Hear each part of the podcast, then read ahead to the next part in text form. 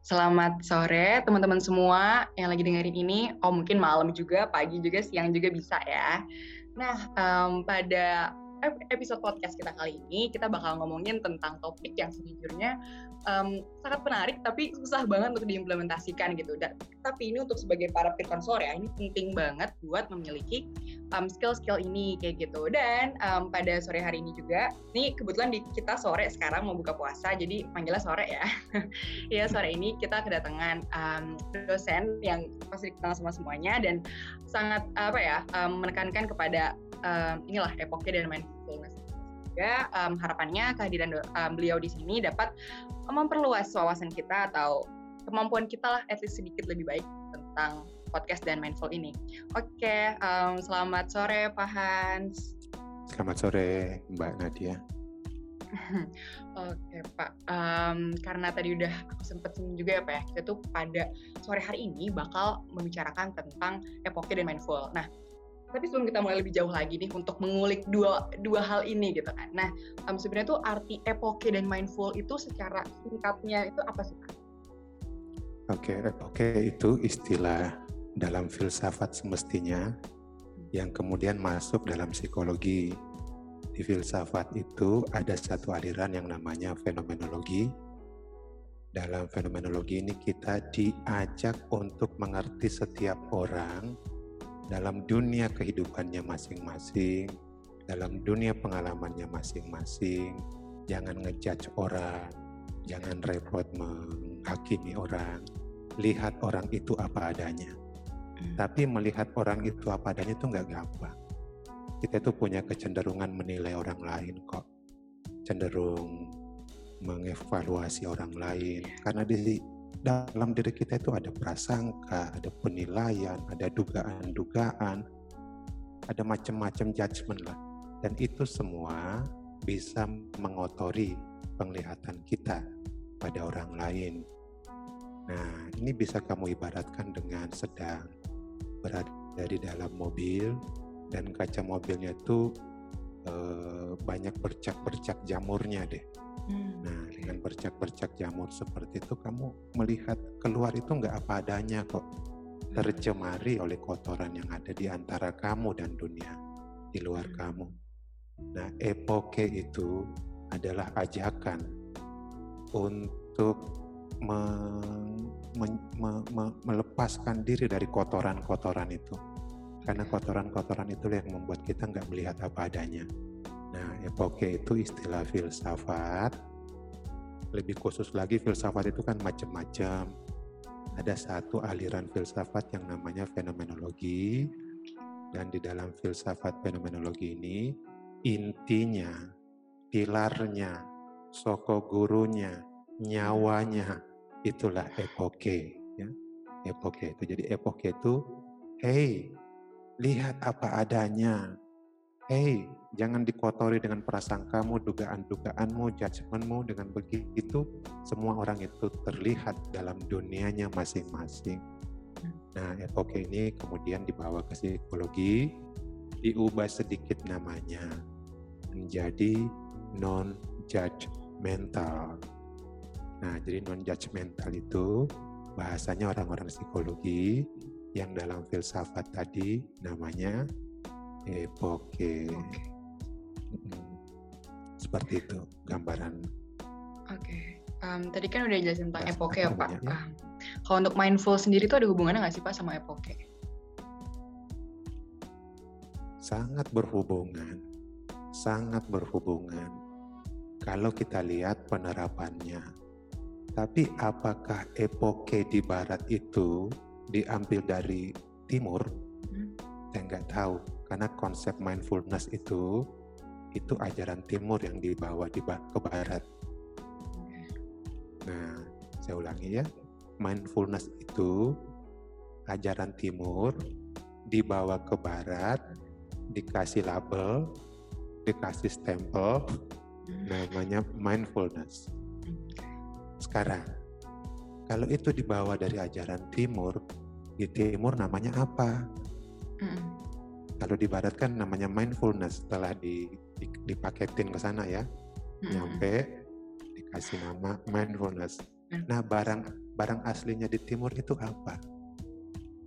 Jadi mindfulness itu kombinasi dari latihan meditasi di Jepang, latihan hmm. meditasi di Myanmar, ditambahkan yoga. Hmm. Jadi saya ulangi ya, latihan meditasi di Jepang, latihan meditasi di Myanmar, atau dulu namanya Brunei, eh, okay. sorry, Birma, dulu namanya Birma, tambah yoga. Nah kombinasi itu kemudian diracik di barat diberi nama mindfulness. Okay. Aku mulai dari Jepang. Di Jepang itu namanya sikantasa. Hmm. Sikantasa itu kalau bahasa anak-anak sekarang itu duduk doang.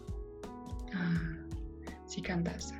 Sikantasa itu artinya duduk doang, di mana kamu benar-benar duduk, murni duduk, tanpa diganggu oleh pikiranmu sendiri.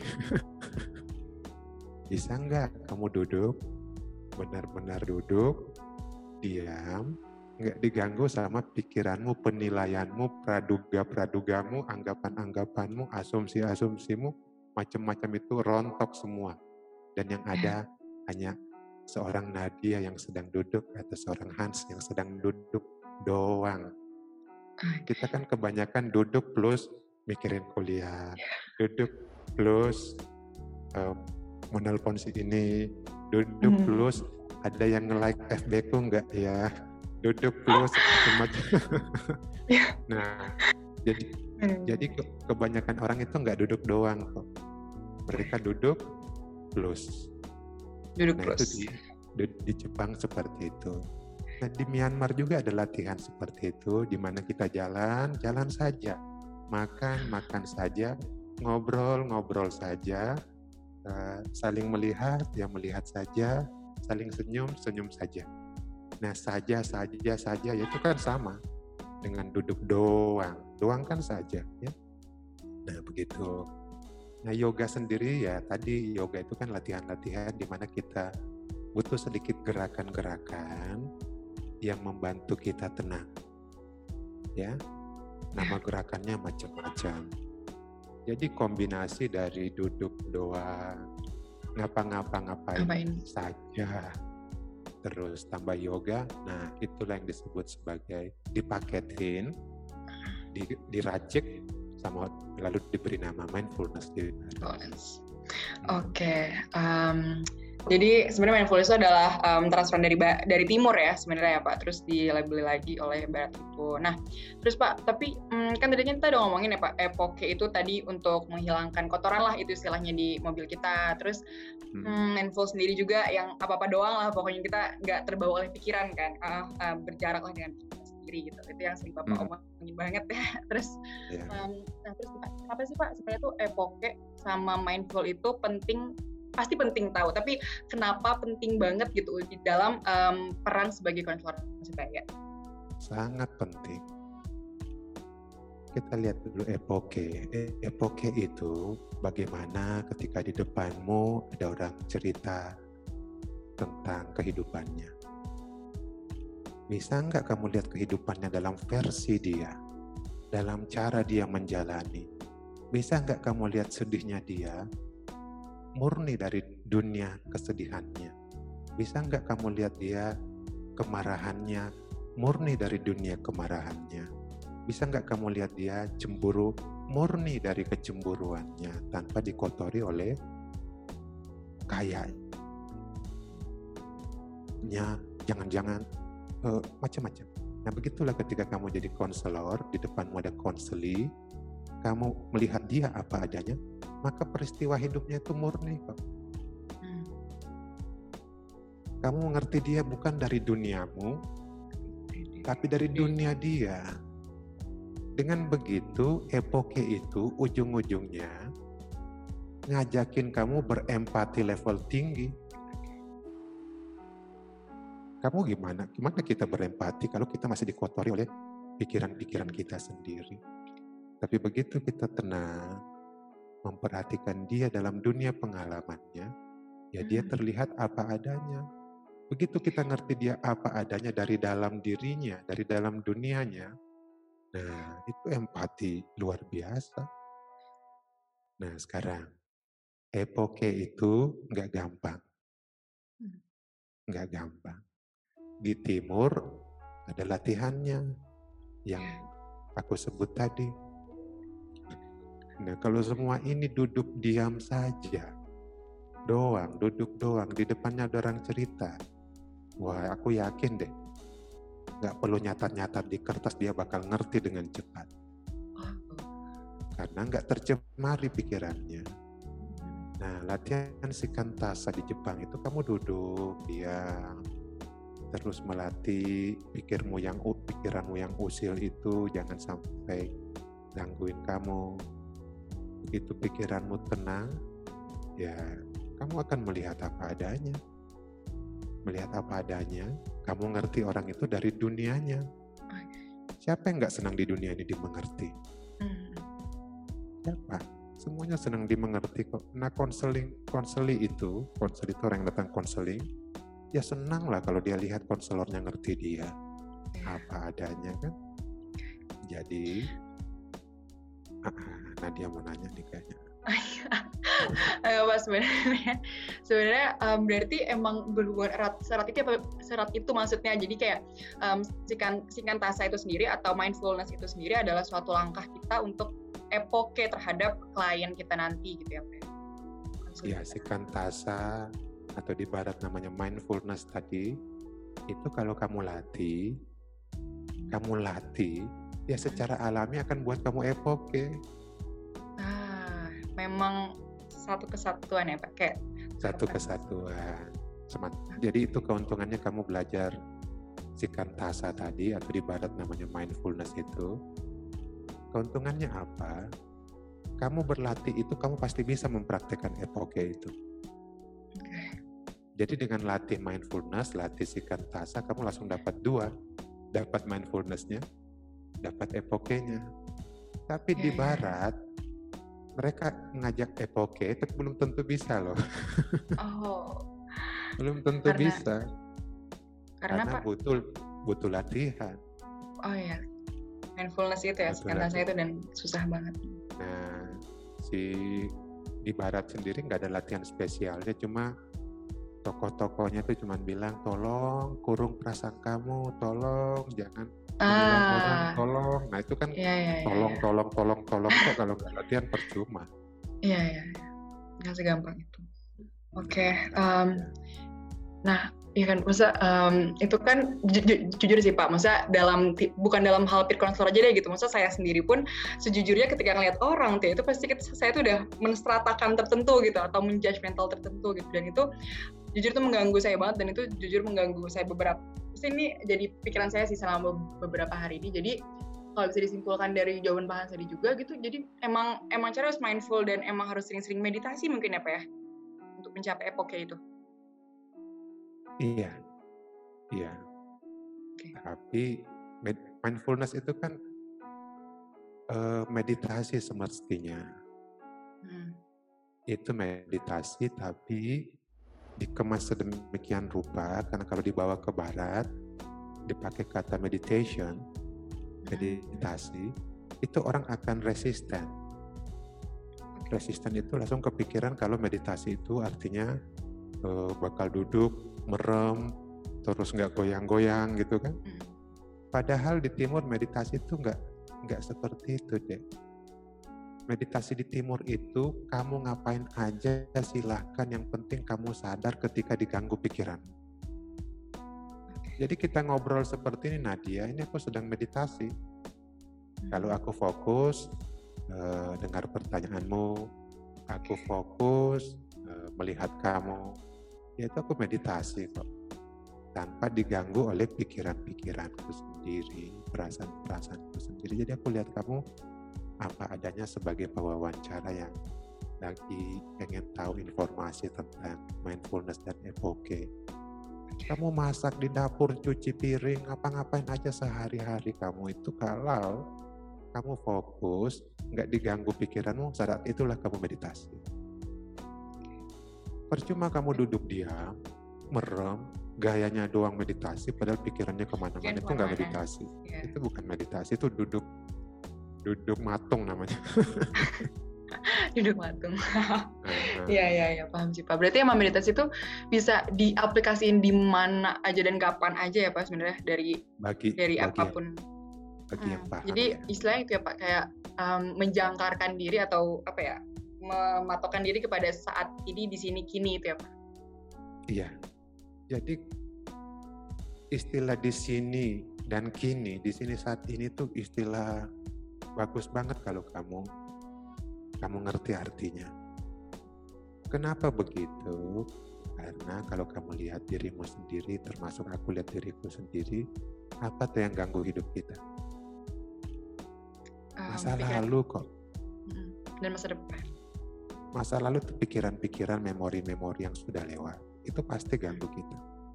Dan ke depan, kecemasan-kecemasan bagaimana nanti kalau, kalau, kalau, kalau, seandainya, seandainya, seandainya, andai semuanya bisa kuputar balik macam-macam lah pikiran-pikiran itu kan. Nah semua itu selalu begitu pikiran itu menarik ke masa lalu atau menarik ke masa depan. Karena itulah muncul seruan, muncul ajakan, muncul istilah, hei hei hei di sini saat ini. Nah, gitu ya. Kamu kalau wawancara aku kayak gini benar-benar di sini saat ini nanti nggak ada waktunya nih selesainya. Oh iya iya benar-benar. Karena Karena flow kita nggak- banget ya Pak flow state. Kita pasti ngeflow, kita pasti ngeflow deh. Oh, Oke. Nah, tapi karena Faisal itu message aku pesannya, Pak, nanti eh, sekian menit pembukaan, sekian menit ngomong, sekian menit penutup, kita jadinya nggak ngalir. Karena aku Oh, iya. Jangan-jangan nanti Oh, waktunya udah habis. Jadi kita tuh nggak hidup di sini dan saat ini, Hmm, paham. paham oke ya? oke. Itu juga kamu Hmm. ketemu konseling, ya, kamu mikir ini masih lama ngomongnya nggak ya? Ya, jadi- jadinya seperti itu, kamu nggak ngalir. Nah, saya mau saya mau rangkum sekarang ya. Ah. Mindfulness itu nyambung dengan epoke, nyambung dengan empati, nyambung dengan hidup di sini, nggak diganggu masa lalu, nggak diganggu masa depan, nyambung dengan ngeflow, nyambung dengan nerima orang lain apa adanya, Oke. nyambung dengan gak dikotori, macam-macam. Dari dua istilah itu, mindfulness, kalau kamu betul-betul praktekkan, nah kamu hidup ngalir tadi. Ngalir bersama klienmu itu asik kok. Iya, benar banget. Karena eh, emang sih kayak pas kita em, pas banyak banget keluhan peer counselor sekarang tuh itu ketika kliennya bercerita sibuk mikirin solusinya gitu kayak apa ya apa ya takut banget kayak misalnya kayak udah dipercayain tapi kita nggak bisa em, bikin dia lebih baik gitu. Terus pas bingung banget tuh bikin solusinya tapi pas di akhirnya malah iya malah malah tambah parah sebenarnya. Oh ya, baik. eh, jadi mak- nyambung ke mana-mana ya, mindfulness itu nyambung ke mana-mana. Karena dalam konseling itu penting sekali fokus pada cerita kehidupan seseorang.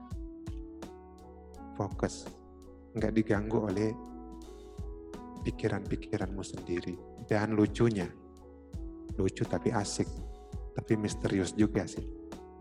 Tiba-tiba itu kayak ada solusi pop up kok, dia pop up. Oke. Tahu pop up? Dia pop up dari cer- dari saat kamu ngalir bareng klienmu, dia pop up. Nah, Oke. aku kemarin tuh keterima klien dua orang ya aku cuma dengerin dia tiba-tiba pop up tuh masalahnya ini terus aku nanya ini masalahmu ya dia nangisnya iya betul itu Oh, jadi pop, pop up gitu aja nah orang-orang humanistik orang-orang yang terbiasa ngalir itu pelan-pelan akan nyadar itu oh iya ya kok keluar sendiri dari Hmm. ngalir bersama itu ya nah ini memang butuh fokusnya butuh fokus Oke, berarti untuk mencapai itu untuk mencapai solusi yang pop up itu sebenarnya itu lebih meaningful ya Pak solusi daripada solusi yang mungkin kita berpikir keras gitu terhadap solusi. Iya, orang-orang orang-orang yang mempraktekkan epoke itu kadang sampai konseling berakhir dia nggak kasih solusi kok kadang-kadang. Karena orang itu dengan didengarkan saja, Hmm. itu kamu udah kuras kok penyakitnya. Dengerin, baru dengerin loh. Mendengarkan itu sudah membantu sekian puluh persen dari masalahnya. Nah, coba kamu betul-betul hadir sebagai pendengar yang kelihatan di depan dia ini orang kok fokus banget dengerin aku. Itu sudah nguras sebagian besar masalahnya. Kadang-kadang kamu nggak harus kasih solusi, dia udah terima kasih banget kok. Ya, nah kalau kamu lihat sesuatu dan ingin memberi solusi, barulah kemudian kamu kasih tambahan. Kalau kamu butuh sesuatu yang, yang uh, apa namanya semacam masukan yang membantu kamu lihat masalahmu lebih jernih, aku pengen ngatak, aku ingin bilang ini ke kamu, boleh saja, boleh saja. Tapi um, saran itu itu ya Pak, lebih ke pop up tadi ya, saran-saran yang memang muncul karena kita mindful dan evoke terhadap klien kita itu. Iya, dia iya, pop up okay. sendiri Pak. Hmm. Di menit keberapa dia pop up nggak ngerti gitu. Hmm. Dan kita nggak boleh mengharapkan itu juga ya, kayak, aduh kapan nih kapan nih kok nggak pop pop up gitu kan? Nah, itu malah. Kalau kamu iya. kalau kamu kapan nih kapan nih kamu nggak hidup di sini dan saat ini kan? Iya. Betul betul. Aku tricky setuju. banget ya. Iya. Tricky banget, tricky banget. Setuju. Oke. Okay. Terus Pak, um, jujur nih ya Pak, um, ketika lihat uh, ketika bertemu dengan orang tuh Pak, misalkan konselor atau teman saya yang biasa ajak cerita gitu. Nah itu tuh orang-orang yang seperti itu, masa yang sudah bukan udah epoke pasti pasti masih jauh dari epoke, tapi kayak um, mendekati dan fokus terhadap cerita kita dan kelihatan mindful itu tuh pas ketemu tuh pasti beda gitu pak auranya sama um, uh, mungkin orang orang-orang yang belum atau kurang latihan mindful itu kayak ketemu bapak pun pas di pas di kampus itu um, banyak banyak juga teman-teman yang uh, ya merasa tenang gitu lah di kelas bapak atau segala macamnya itu kan ada aura-aura tersendiri yang dipancarkan ya pak. Nah menurut bapak sendiri nih, um, aku juga belum tahu, belum bisa menjudge juga apakah bapak sudah mindful dan epoke atau belum. Tapi menurut bapak sendiri itu sebenarnya ciri-ciri orang yang epoke dan mindful itu apa sih pak? Yang paling tahu dia bahwa pikiranku ini lagi tenang-tenangnya, lagi settle-settlenya, lagi asik-asiknya. Aku nggak diganggu masa lalu, nggak diganggu masa depan. Orang di sekitarmu itu hanya merasakan pancaran energinya saja kok, yang kamu sebut aura tadi. Nah, kamu mungkin pernah merasakan sendiri duduk di depan orang dekat seseorang, nggak ngomong satu sama lain, diam-diaman tapi nggak nyaman. Pernah nggak seperti itu? pernah, pernah dia nggak ngomong loh tapi kamu nggak nyaman berarti dia mancarin energi nggak enak ya. nah saat kamu sendiri di depan klienmu itu lagi tenang itu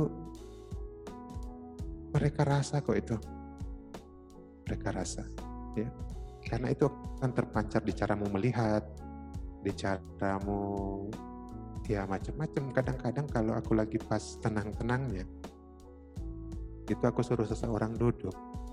Kami duduk. Hmm. Kalau pas aku tenang-tenangnya, ya, hmm. itu nggak ngomong apa-apa, tiba-tiba aja dia nangis. Oh hmm. Baru aku nanya ada apa? Dia cerita. Kalau aku lagi tenang-tenangnya. Tapi kalau ekspresiku misalnya habis ini ada janjian, habis ini mau rapat, itu orang nangkap kok itu. Nah, jadi ketenanganmu sendiri itu udah obat, nggak usah belum ngomong aja udah bisa membantu orang. Plus kamu tenang, kamu dengerin dia. Kalau diperlukan dia dia butuh saran ya nggak apa-apa. Apa yeah. yang pop up, apa yang pop up itu itu yang kamu sampaikan. Gitu. Berarti emang benar apa masa mindful ini atau ya mindful ini memang kuat banget dan penting banget. Nah, um, dari tadi kita udah bicara tentang seberapa pentingnya mindful ini Pak. Tapi langkah-langkahnya yang bisa diterapkan kayak misalkan um, kayak misalkan ya um, meditasi deh um, sehari aja minimal berapa belas menit itu itu ada nggak sih pak um, trik-trik seperti itu gitu untuk kita meningkatkan mindfulness? Ada ada.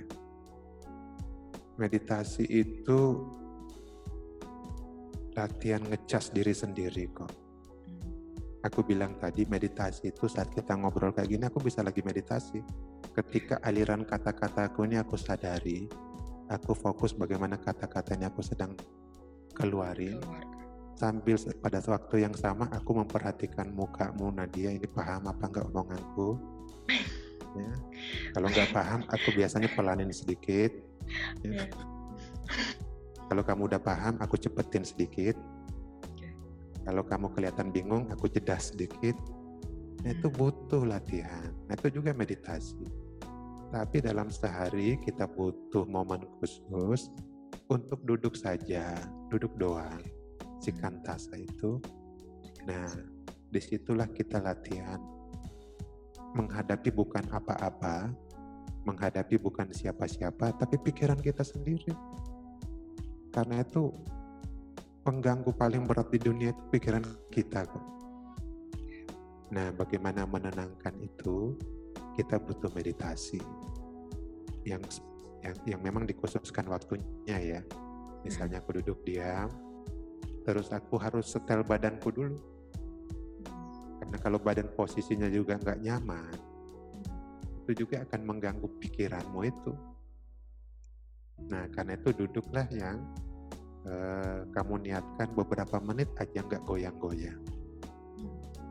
Nah, begitu kamu udah rasa diam, udah rasa dapat posisi paling nyaman nggak goyang-goyang, kamu cari pegangan deh. Pegangan. Pegangan supaya kalau kamu dibawa pikiranmu, kamu bisa balik lagi. Oh. kamu dibawa dibawa perasaanmu, kamu balik lagi. Kamu lagi baper gitu, dibalik lagi ada ada peganganmu. Mm. Ini kalau kamu mirip dengan kamu jalan di tengah, kamu naik perahu, ombaknya cukup kencang. Nah, kamu kan butuh pegangan tuh, biar nggak mm. terpental kan. Ya.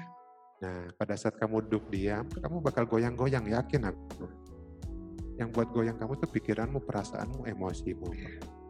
Nah, gimana? Kamu diganggu, tapi kamu sabar. Gak marah-marah diganggu, tetap tenang diganggu. Kamu butuh pegangan. Nah, pegangan itu adalah nafas. Sehingga kalau kamu bisa lima menit aja benar-benar pikiranmu nggak lari dari nafasmu. Lima menit loh ya pikiranmu nggak lari dari nafasmu, aku jamin. Kamu habis itu ngerasa, kok ada aliran fresh dari dalam ya, apa ini? Nah, 5 menit dulu aja deh. Kalau nggak bisa, 30 detik dulu, nggak diganggu pikiranmu sendiri. Karena di timur itu kalau kamu udah ketemu guru-guru yang murni si kantasa, mereka ini jarang jarang kamu temui di tempat umum ya. Hmm itu sekali duduk bisa 2 sampai 3 jam nggak diganggu pikirannya Wow. Oke, okay, jadi um, di tadi teman-teman kita udah udah ngobrol nih tentang tentang epoke, mindful, terus gimana caranya, apa pentingnya, terus um, efeknya apa sih kalau kita mindful sebagai peer counselor gitu. Nah, kalau boleh um, aku rekap ulang dari awal, itu kita pertama itu um, adalah ketika kita um, ber konsultasi atau kita menjadi konselor dari konseli kita, kita harus membersihkan kotoran-kotoran di kaca mobil kita lah kayak gitu kalau kata Pak Hans tadi ya. Nah itu dengan cara apa? Kita tuh ngapusnya tuh dengan cara mungkin dengan cara mindfulness itu sendiri gitu dan mindfulness itu kita bisa latih tapi memang tidak mudah gitu tidak tidak sekedar kayak mungkin yang tadi Pak Hans bilang juga kayak di barat kayak um, ya um, kamu harus um, harus harus ini harus epoke harus apa tapi itu nggak segampang itu dan itu memang butuh proses. Jadi mungkin kalau teman-teman sekarang nih yang udah dengerin dari tadi terus kayak um, udah nyoba juga tapi belum bisa dan dan itu malah jadi tambah nggak epoke kayak pas kalian um, konselor terus malah um, aduh aduh kok gue nggak kok gue nggak epoke sih. Nah itu kan jadi um, jadi lingkaran setan sendiri ya jadi pikiran kita sendiri. Nah itu mungkin um, bisa dilatih bisa dilatih juga dengan latihan mindfulness tadi seperti um, seperti apa-apa tuh apa-apa doang kayak misalkan ya dengerin doang, ngomong doang. Kita beneran memperhatikan segala apa ya segala tindakan kita pada saat ini di sini dan di sini gitu yang mungkin. Nah, hmm. um, mungkin dari Pak sendiri, apakah ada closing statement nih Pak buat um, teman-teman peer counselor yang seperti saya sendiri masih susah banget buat mindful dan masih hmm, tidak epoki kepada orang-orang nah itu tuh gimana Pak? Iya, semua orang sudah pernah mengalami yang namanya mindfulness. Sudah pernah kok. Itu kondisi di mana kamu betul-betul berhati-hati, memperhatikan dirimu sendiri. Pada saat kamu ngangkat dari dapur itu sop panas ke meja itu kan harus mindful tuh. Kalau nggak kamu ketumpahan itu lumayan tuh buat kulitmu kan. Nah, itu momen sepersekian detik. Tapi kamu itu betul-betul mindful kok. Atau sahabat terdekatmu lagi cerita kehidupannya yang lagi susah. Ada momen di mana kamu itu benar-benar fokus memperhatikan dia. Itu kamu mindful di situ. Tapi pikiran manusia ini memang perlu dilatih untuk lebih lama mindful ya, lebih lama fokus, lebih lama uh, lebih lama hidup di sini dan saat ini. Itu harus dilatih betul ya. Karena kalau enggak ya kamu capek sendiri diganggu oleh pikiranmu yang bawa kamu ke masa lalu atau ke masa depan. Jadi intinya begini, epoke itu berkembang di barat, mindfulness itu dari timur. Kalau kamu berlatih tadi jaga pikiranmu supaya kalau lagi liar-liarnya nggak apa-apa, balik lagi ke saat ini di sini liar-liarnya nggak apa-apa, jangan dilawan. Karena sifat dasar pikiran manusia itu liar kok, bukan tenang, liar. Karena itu tugas kita melatih kuda liar ini supaya jinak. Nah itu yang namanya mindfulness ya. Nah, tolong ini kamu latih betul sebagai konselor suatu saat. Klien-klienmu merasakan kamu kok. Meskipun kamu diam, tapi pikiranmu nakal itu kelihatan, terasa kok. ya, jaga dirimu dari pikiran-pikiranmu sendiri. Orang lain pasti nangkap itu. Dia merasakan kamu. Ya. Nah, itu energi yang kamu pancarkan pasti ada di saat kamu mindful Terus ya tadi epoke terjadi secara alami kalau kamu mindfulness itu. Itu. Oke, baik, terima kasih Pak Hans atas waktunya pada sore hari ini dan bagi-bagi um, um, pengetahuannya lah gitu ke para peer counselor. Nah, uh, buat teman-teman, um, sekian um, podcast kita pada sore hari ini. Semoga nanti um, ini bisa menjadi um, langkah kedua lah kan tadi langkah pertamanya udah mengenal diri sendiri sama Bu Mali dan sekarang setelah mengenal diri sendiri harapannya teman-teman bisa epoke dan mindful kepada konselinya teman-teman semua. Nah oke okay, um, dari aku sekian dari Pak Hans juga udah ya Pak ya. Oke, okay, um, ya, oke.